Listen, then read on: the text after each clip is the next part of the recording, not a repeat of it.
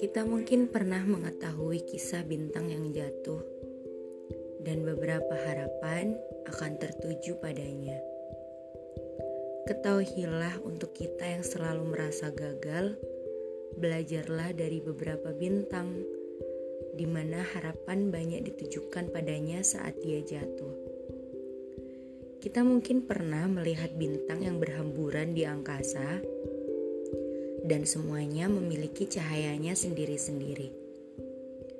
Ketahuilah, untuk kita yang selalu merasa tidak lebih baik dari orang lain, belajarlah dari beberapa bintang, di mana mereka tetap bersinar di saat bintang lain seperti matahari berkuasa dengan sinarnya. Ingatlah, saat lelah, Mungkin ada waktu untuk berkeluh kesah, tapi untuk malam ini beristirahatlah, karena setelah merebah, esok kau akan merekah.